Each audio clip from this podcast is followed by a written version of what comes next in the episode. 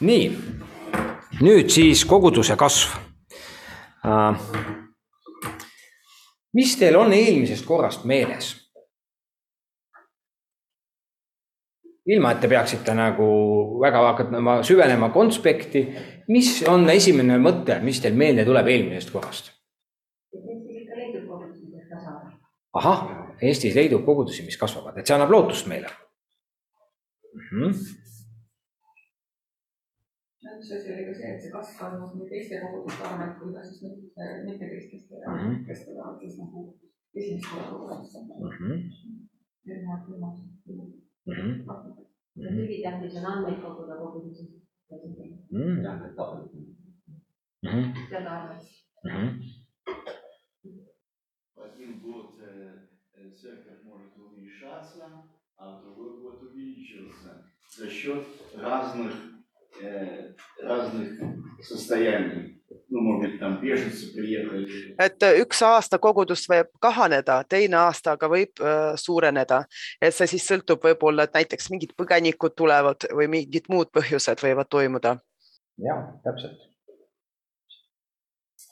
ja, ja selles mõttes ka koguduse kasvu uurida ei ole nagu kasulik või hea lihtsalt hästi lühikese aja jooksul, vaid pigem vaadata pikemat mingit ajavahemikku ja selle aja jooksul näha neid võimalikke trende, mis siis ühte või teist protsessi mõjutab, mis kasvu, mis kahanemist. et, äh, et kogudus on elav organism. ja seal on inimesed ja selles suhtes äh, teatud protsessid äh, toimuvad mingi aja jooksul. ja neid on ka võimalik hinnata adekvaatselt mingi aja jooksul loomulikult ütleme praktilises koguduselus ka ühe aasta lõikes nagu vaadata, et mis see aasta toimus. et mis tõi inimesi kogudusse näiteks. ja võib-olla ka, mis viis inimesi kogudusest ära, mis põhjusel inimesed lahkusid kogudusest, kes suri, kes lahkus kogudusest, läks teise kogudusse? Ja loomulikult siis ka analüüsida või mõelda, et aga mis neid protsesse nagu põhjustas, et kas on midagi, mida me saame teistmoodi teha? Või on midagi, mida me saaksime muuta nii et siin on väga palju erinevaid selliseid dünaamikaid, mis kogudusi mõjutavad. ja, ja kogudusi uurida ilmselgelt on hea mingi aja jooksul. veel midagi eelmisest korrast?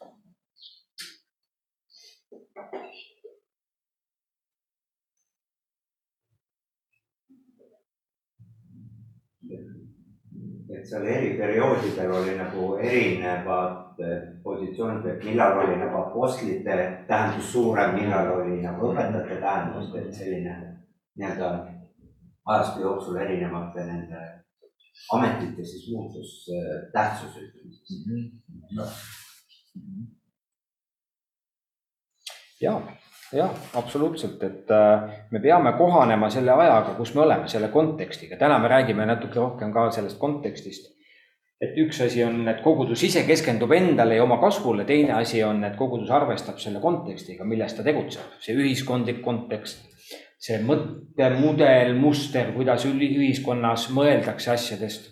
et tahame või ei taha, me oleme ühiskonnaga seotud ja need protsessid, mis ühiskonnas toimuvad, mõjutavad kogudust ühel või teisel viisil igal juhul. nii, aga väga tore, siis äh, lähme siis tänase loenguga edasi. ma panin nüüd selle slaidi ette äh,, kus me eelmine kord jäime pooleli äh,.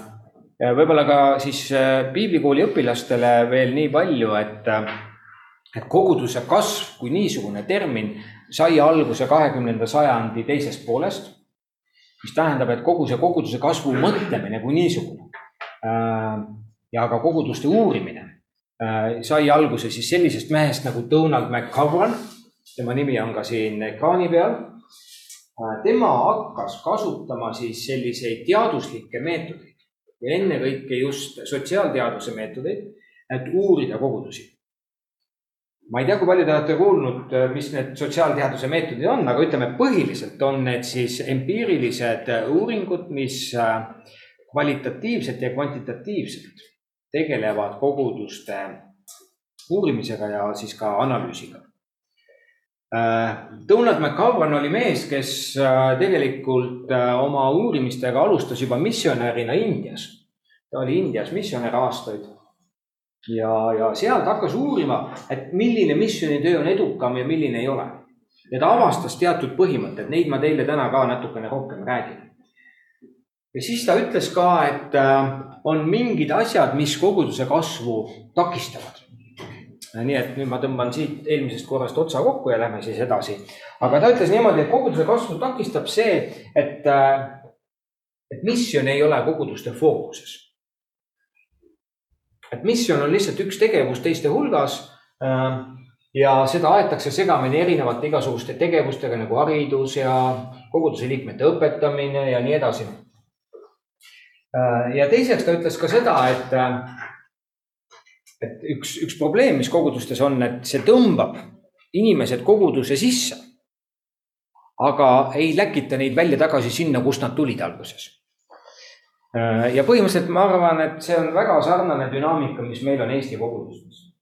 et äh, ma ütlen seda nüüd ilma mingisuguse uuringuta, aga olles ol, olnud koguduse pastor aastaid, töötades kogudustega, kogudustes Äh, ma võin öelda seda, et äh, meie dünaamika kipub olema selline, et inimesed saavad päästetud, tulevad kogudusse, ühinema kogudusega, hakkavad panustama ja veel parem, kui nad saavad hästi vaimustatud, nii-öelda selles mõttes, et hästi õhinapõhiseks läheb see asi. ja siis on nii, et läheb mõned aastad mööda. Ja kui ma vaatan ja olen üle aastate jälginud inimesi, nad kaotavad maailmas oma kontaktid ja sõbrad ära. Nad enam ei suhtle nendega, kogu sõpruskond jääb ainult koguduse sisse. Oh..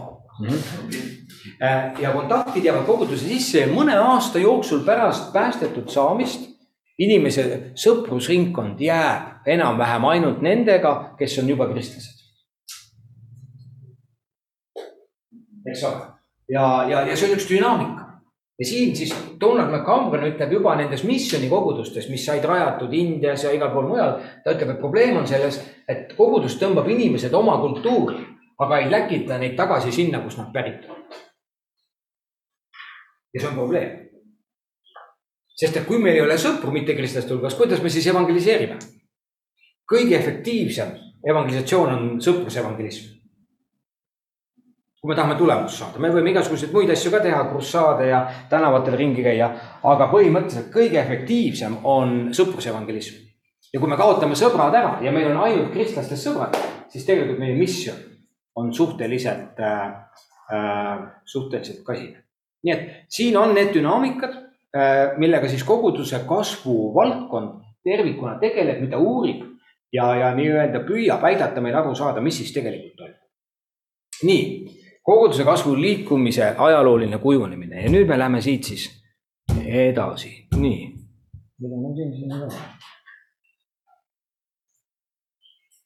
nüüd põhimõtteliselt on ka võimalik käsitleda koguduse kasvu erinevate kategooriatena ja Lauren Mead on üks mees, kes on siis ka sõnastanud neli kategooriat. Sest koguduse kasv kui niisugune on niisugune üldine, eks ole, termin Äh, aga selle juures on erinevaid kasvukategooriaid võimalik käsitleda. esimene nendest on siis numbriline kasv, arvuline kasv, eks ole, meil on mingisugused numbrid, me mõõdame neid, meil on jumalateenistustel osalejad, meil on ristitud inimesed, meil on kogudusega liitujad ja kõike seda saab numbritega mõõta. selge. Äh, mõned kogudused, nagu eelmine kord me rääkisime, on ka päris head Äh, nii-öelda andmete kogumises, päris täpselt loevad andmeid. on kogudusi, kes äh, lihtsalt koguvad andmeid, ei tee nendega suurt midagi. on kogudusi, kes ka neid arv, arve nii-öelda ja numbreid vaatavad ja nende põhjal püüavad mingeid järeldusi teha. Ähm, ja, ja nii-öelda oma tegevust ka planeerida. nii et, ähm, aga kui juba andmeid kogutakse, iseenesest see on hea algus. teiseks, küpsuse kasv selle kohta võiks öelda ka vaimulik kasv. aga, aga põhimõtteliselt selle all me mõistame siis just ennekõike sellist usulist kasvamist, mida enam ei ole nii lihtne mõõta. noh, võib-olla meil oleks natuke kiusatus mõõta, mitu inimest kogudusest käib, näiteks osaleb koguduse palvekoosolekul. Võib-olla meil oleks kiusatus nagu selles kategoorias siin mõelda sellises äh, suunas, et äh, mitu inimest näiteks kogudusest läheb edasi õppima äh, kas siis piiblikooli või, või seminari või kuskile, ühesõnaga inimesed, kes on pühendunud vaimulikule kasvule oma elus. aga, aga tõenäoliselt need on ainult äh, niisugused äh, ühed võimalused, kuidas seda vaimulikku või küpsuse kasvu mõõta. Küpsuse kasv äh, on äh, pigem midagi sellist, kus, äh, kus me näeme, et inimene tulles kogudusse, saades kristlaseks, kasvab Jeesuse jüngrina nii, et ta omakorda toodab teisi jüngreid. jüngerdab teisi, toetab teiste kasvu. et äh, kui me räägime üldse küpsusest kristlasena, äh, siis me just räägime ikkagi sellest, kus ma enam ei ole keskendunud ainult enda vaimulikule nii-öelda heaolule, vaid kus ma juba olen kasvanud sellele tasemele, et ma aitan teistel vaimulikku nii-öelda küpsust saavutada ja selles mõttes, see on mu isiklik arvamus, aga ma arvan, et igal kristlasel võiks ja peaks olema inimesi, keda tema aitab vaimulikult kasvama. see võib olla üks-ühele, see võib olla grupis, aga selles mõttes Jeesuse korraldus teha jüngreid tegelikult tähendab, et meil on inimesi, kes, keda me aitame edasi nende vaimulikus kasvus. aga küpsuse kasv kui niisugune kategooria. siis Loren Viit toob välja veel kolmanda kategooria, see on orgaaniline kasv. ja see nüüd on suunatud juba ka kogudusest väljapoole. orgaaniline kasv, see tähendab seda, et see kogudus mm, on suutnud ületada need barjäärid, kus ta ise tegutseb ja on sirutanud väljapoole ühiskonda. ja ta otsib võimalusi, kuidas avaldada mõju oma ühiskonnas see uurimus, mida mina teen praegult oma doktoriõpingute raames, viitab sellele, et Eestis kasvavad kogudused on väga integreeritud ühiskonda. Nad teenivad inimesi vajaduspõhiselt. Ja siin kahjuks ma pean ütlema, et minu uuring kinnitab või, või, või pigem vaidleb vastu Donald McCauranile, kes ütleb, et ainult missioon on tähtis, nii-öelda evangelisatsioon, ütleme siis nii Äh, ja kõik muud asjad ei ole tähtsad. minu uuring näitab äh, siin Eestis, et, äh, et see ei ole tõsi, mis tähendab, et, et me vajame inimesteni jõudmiseks ka just nimelt neid asju, mis teenivad inimesi ja mis aitavad inimesi nende reaalses elus. orgaaniline kasv ja selle orgaanilise kasvu juures on ka see kategooria tegelikult oluline, et, et, et mis toimub nagu koguduse sees, millised on meie suhted, kuidas me oma asju ajame. et äh, orgaaniline tegelikult tähendab ka loomulik, eks ole. et äh,, et loomulik kasv äh,, see on niisugune, niisugune nagu sundimatu protsess Äh, mis koguduse sees toimub ja täna me räägime sellest kategooriast rohkem eraldi koguduse tervise all ja need kaheksa kategooriat, mis tulevad teil ka selles sees käsitleda. et seal me räägime sellest rohkem. ja nüüd Loren Mead toob välja veel siis ühe sellise, ühe sellise kategooria, mis on natuke abstraktsem või niisugusem veel üldisem, aga see on inkarnatsiooniline kasv.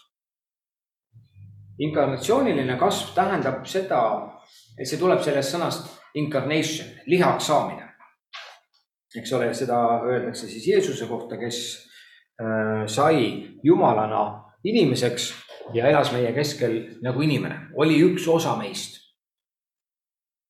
ja nüüd see inkarnatsiooniline kasv selles mõttes äh, on, on selline kategooria, kus me räägime äh, sellise lugude lugude äh, nagu paljunemisest, lugude võimendumisest ja kui me vaatame kasvõi algkogudust, siis algkogudus tänaseni on, meieni on jõudnud tegelikult läbi lugude, läbi Apostlite tegude raamatu ja tegelikult Apostlite tegude raamat on lugude kogumik, algkoguduse tippsündmustest, võtmesündmustest, võtmeisikutest.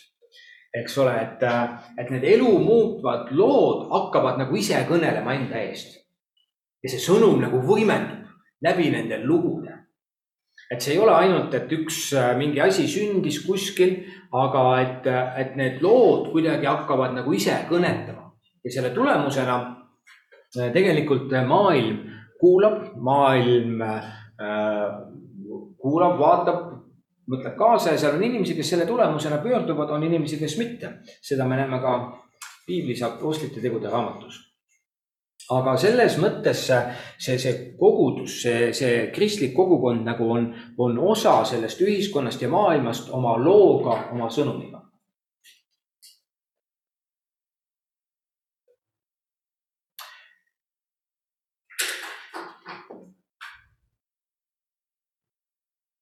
nii nii et kui teid üldse huvitab, äh, see on, mida mina tihtilugu teen, et kui ma kuskil kuulen kedagi midagi rääkimas ja ta nimetab erinevad autorid, ma otsin need autorid hiljem internetist kõik ülesse, vaatan, kes nad on, mis nad teevad, mis nad mõtlevad. uurin nende natuke tausta, uurin nende raamatuid, vaatan natuke sisse asjadesse.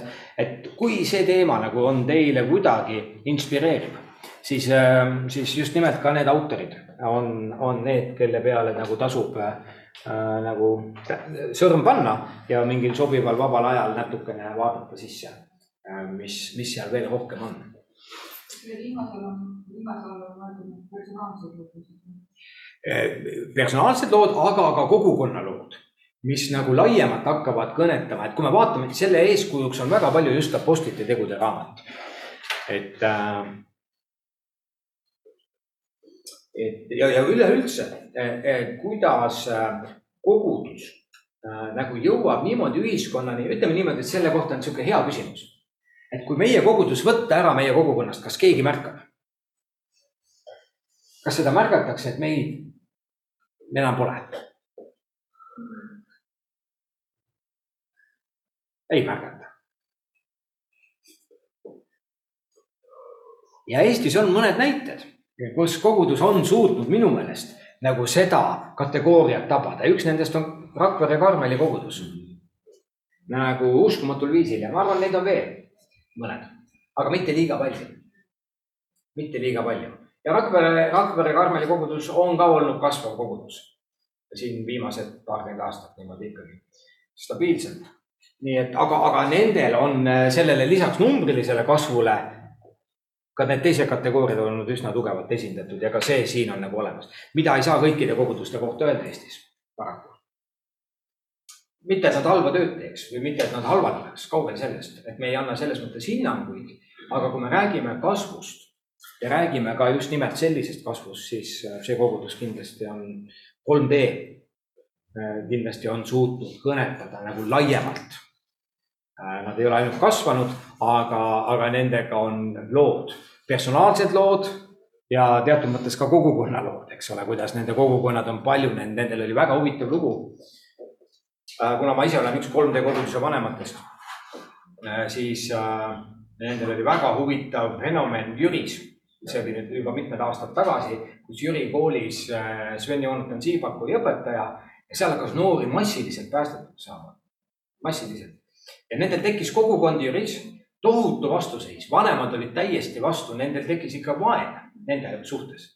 ja selles suhtes see oli nagu väga niisugune valuline protsess, samal ajal jumala imed, noorte elud muutusid äh, ja kõik see asi sinna juurde. ja, ja, ja selle tulemusena nagu 3D sai nagu mingi uue niisuguse boost'i nagu kasvu mõttes edasi ja sealt kasvas väga palju muud head välja. nii et selles suhtes väga-väga äh, huvitav ja just nimelt koguduse mõttes, ma arvan, et kristlike organisatsioonide mõttes on seda närvi tabanud päris palju Lootuse küla. eks ole, oma tegevusega, oma, oma presentatsiooniga, oma selle kõigega, kuidas nad on. nii et selles osas äh, see ei ole lihtne. sul on vaja teatud inimesi, teatud tüüpi inimesi, teatud kooslust, teatud dünaamikat, sünergiat, mis hakkab toimima et selleni jõuda, selleni ei jõua üksinda. sellega ei jõua, selleni jõuab meeskonnaga, koostöös ja niisuguses jumala armus ja vaimus. Äh, ja see on nii ilus.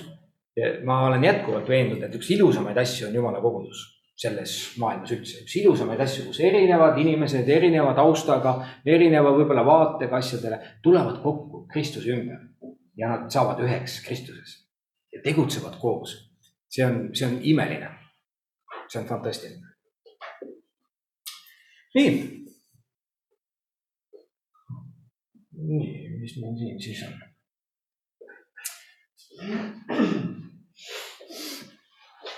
Äh, informatsiooniks teile, et ka nüüd, mis puudutab seda koguduse kasvu liikumist, äh, siis see koguduse kasvu liikumine, seesama Donald McCowan alustas äh, maailma missiooni, maailma missiooni kooli Fulleri teoloogilises seminaris.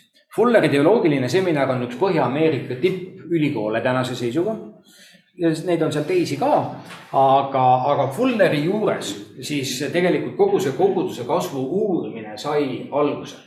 sealt Fullerist on veel mitmeid väga häid ja ilusaid protsesse välja kasvanud, aga üks nendest on siis ka see koguduse kasv ja see läks nagu plahvatus sealt laiali. Äh, ja, ja, ja ikkagi tekitas väga palju furoori äh, ja tähelepanu ja siis põhimõtteliselt ka erialakirjanduses me kasutame terminit church growth movement. et see koguduse kasv sai liikumiseks. nii et äh, seda terminit te leiate ka kirjandusest, kui te nagu sellega peaksite kokku puutuma. ja nüüd selle liikumise nagu keskne tuumküsimus oli, miks üks kogudus kasvab ja miks teine kogudus ei kasva? mis, mis selle taga on? miks, miks see kogudus kasvab ja miks teine kogudus ei kasva? mis on selle kasvu taga või mis on selle mittekasvu taga? see on nagu põhiküsimus, uurimisküsimus, iga uurimine alati algab küsimusega, probleemiga. ja koguduse kasvu niisuguses laias mõttes põhiküsimus on see ja selle sõnastas sellesama liikumise rajaja Donald McCowan niisiis, mis põhjustab kasvu, mis takistab kasvu? ja siis ta küsis ka veel niimoodi, et millised on need tegurid, mis võivad muuta koguduse kasvu liikumiseks. põhimõtteliselt ta rääkis ärkamisest meie terminoloogia järgi. ärkamine, kus toimuvad masspöördumised. see oli tema üks äh, termin ka, mass conversations, et niisugune, et inimeste hulgad saavad päästetud, sest ta ütles, et see ei piisa, et inimesed saavad ainult ükshaaval päästetud. liiga palju inimesi on päästmata, meil on vaja nii, et hulgad pöörduvad. ja siis ta sõnastas veel ühe väga olulise aspekti küsimusena, et millised kasvu printsiibid või põhimõtted on korratavad. See tähendab, et ahaa, siin on üks kogudus, kes kasvab siin on üks kogudus, kus toimuvad äh, nii-öelda kogudustes äh, äh, siis toimuvad kogudustes väga ilusad ja head protsessid, asi läheb edasi, et kas seda protsessi on võimalik vaadata, mis on need asjad, mis seda põhjustavad ja tõstame selle siit teise kohta. Näiteks üks Rapla kogudus kuskil kasvab, asi läheb nagu megalt üles mäge, vaatame, mis nad seal teevad, võtame need printsiibid, tõstame need kuskile Kiviõlisse ja siis seal hakkab ka kohe asi minema. et siis ta küsibki, millised põhimõtted on korratavad. põhimõtteliselt see tähendab ka, millised ei ole. nüüd teadusmaailmas põhiliselt äh, uurimus alati algab peale küsimustega. Ja, ja selles suhtes äh, äh, küsimuste küsimine on vaata et isegi olulisem kui vastuste leidmine. eks ole, et kõigepealt nagu küsida küsimusi, et äh, meil tihtilugu kipub ikkagi niimoodi olema ka meie tänapäeva kogudustes, et meil on kõik vastused olemas, aga meil ei ole küsimusi. et meil on vastused igale asjale. aga, aga me pole nagu täpsustanud ära, et mis on meie küsimused. No vot, ja nüüd see nii-öelda teaduslik mõtlemine, ka koguduse kasvu uurimisse sissetoomine võimaldab meil siis ka küsimusi küsida. ja Donald McCavan oli siis see mees kes nagu kogu selle temaatika äh, sellisele, äh, sellisele kohale siis ka viis. nii.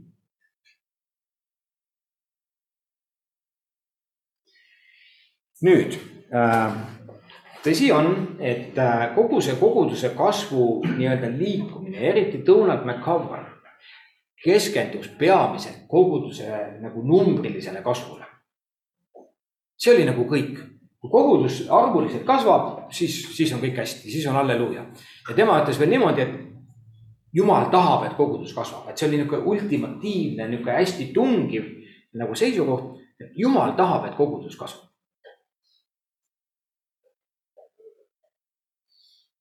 Ta toetus Apostlite tegude raamatule, kus oli näha nagu kasvu ja niimoodi. Äh, ja selles mõttes, äh, kes meist ei tahaks, ma pole ühtegi pastorit näinud, kes ei tahaks, et tema kogudus kasvab. küll ma olen näinud pastorit, kellel on raskusi ja kellel on süütunne ja kes põevad, kui nende kogudus ei kasva. väga, pastorid elavad seda väga läbi muideks. kui nende kogudus ei kasva. Nad võtavad seda vahest isegi isiklikult mul oli nii, et oma uurimuse alguses ükskord ma helistasin, ma alles hakkasin oma uurimust tegema ja niimoodi lihtsalt helistasin pastoritele ja rääkisin sel teemal ja küsisin, et kuule, kas sa oled valmis ka, et sinu kogudus ka. ja üks maapastor Eestis, ma helistasin talle, ma tean teda, ta teab mind. ja, ja ta ütles, et ei, ma ei ole sellel teemal valmis üldse rääkima. pani telefoni ära ja oligi kõik. ja ma sain aru, kui valuline see on. tal on väikses maakoguduses et äh, selles mõttes see süütunne, äh, mida pastorid ka kannavad selle koguduse kasvuga seoses, tihtilugu seavad iseenda lootusi. võib-olla neid kuskilt väljapoolt ka veel koguduse liikmete või ma ei tea, kelle poolt nii-öelda tuuakse ette.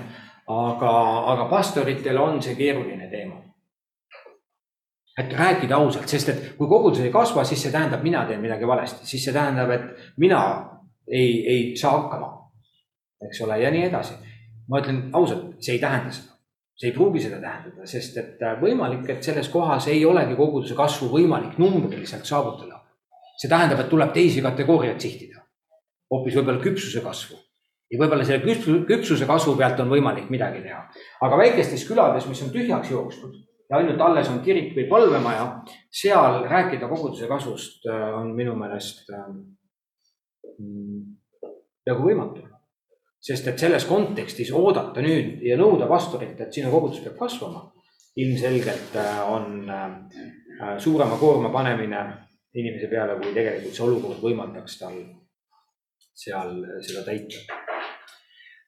nii et sellel on omad probleemid, kui me hakkame rääkima ka numbrilisest kasvust ma juba mainisin, eks ole, et see koguduse kasvu liikumine on siis just selline liikumine, mis tõi sisse koguduste uurimisse teaduslikud meetodid. teaduslikud tööriistad, vahendid, mida teaduses kasutatakse.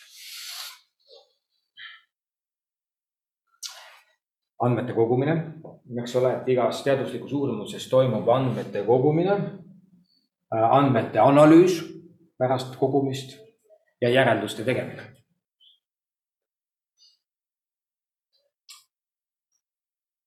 tihtilugu meie kogudused reaalses elus on nii hõivatud igapäevaelu ja muredega, et väga vähe jääb energiat ja tahet ja valmisolekut tegelikult selle protsessiga tegeleda. ja tihtilugu võib-olla kogudustes ei ole ka inimesi, kes oleks võimelised seda tegema mingilgi tasemel. et äh,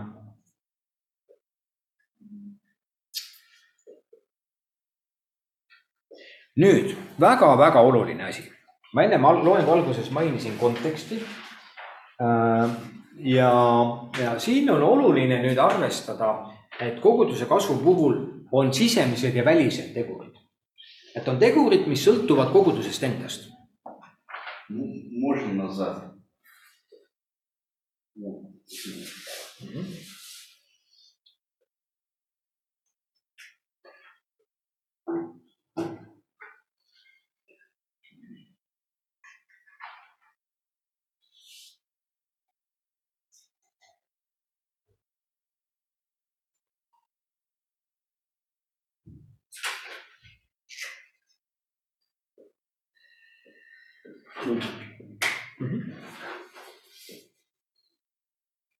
Nii, sisemised ja välised tegurid.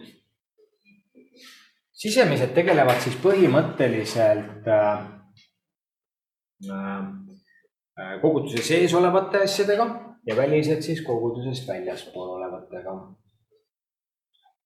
nüüd vaatame algkoguduse puhul äh,. algkoguduse puhul millised olid välised tegurid? välised tegurid, mis mõjutasid koguduse kasvu esimestel sajanditel. Rooma rahu.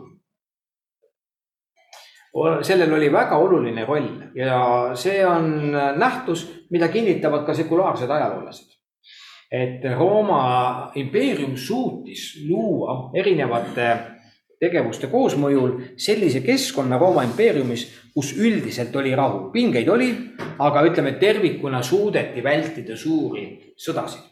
kaks romaani, nähtus kui niisugune, mis ilmselgelt toetas evangeeliumi levimist. teine asi, mida siis äh, nimetatud autor välja toob, on siin vabakaubandus. vabakaubandus Rooma impeeriumi erinevate osade vahel ja mitte ainult vabakaubandus, vaid väga aktiivne kaubandus, ühesõnaga majanduselu kasvas. vahest ma kuulen siin äh, inimesi rääkimast, et oi, et eestlased vajavad väga rasket aega ja siis nad pöörduvad Jumala poole äh,. mina isiklikult ei usu seda äh,. ja, ja tegelikult üks magistritöö, mis Tartu Ülikoolis tehti, äh, kus uuriti, ma vist mainisin seda ka teile või teile ei maininud et, et uuriti seda, et öeldakse, et kaevikutes enam ateiste ei ole. see uurimus tegelikult kinnitas, et kaevikutes inimesed jäävad oma veendumuste juurde, mis ja need pigem kinnistuvad või kalgistuvad. tänane Eesti põlvkond on jumalast nii kaugel, et nendel on vaja jumalat hakata A-st, B-st, nullist üleüldse tutvustama. et selles mõttes, kui me räägime siin ärkamisest kui niisugusest, siis me peame väga täpselt defineerima, mida me selle all mõtleme, mis asi see ärkamine siis on. et me ei saa rääkida klassikalises mõttes ärkamisest põlvkonna suhtes, kes ei olegi kunagi Kristuse juures olnud. Ärkamine on nii-öelda ülesärkamine või taas nii-öelda elule ärkamine. et tegelikult me räägime ikkagi missioonipõllust, mis vajab täiesti otsast peale kündmist. vabakaubandus äh,, arenenud teedevõrgustik, ühesõnaga need sotsiaalsed faktorid soodustasid algkoguduse äh, äh, niisugust kasvu ja levikut. kui me vaatame, kuidas Paulus reisis väga palju jalgsi, teedevõrgustik, laevud, laevu, laevadega samamoodi, nii et seal oli väga aktiivne selline äh, sotsiaalne elu impeeriumi erinevate osade vahel. nii, aga nüüd on meil vaheaeg, viimane punkt ütlen siin ka, mis sellest ajast on, on kristlaste tagakius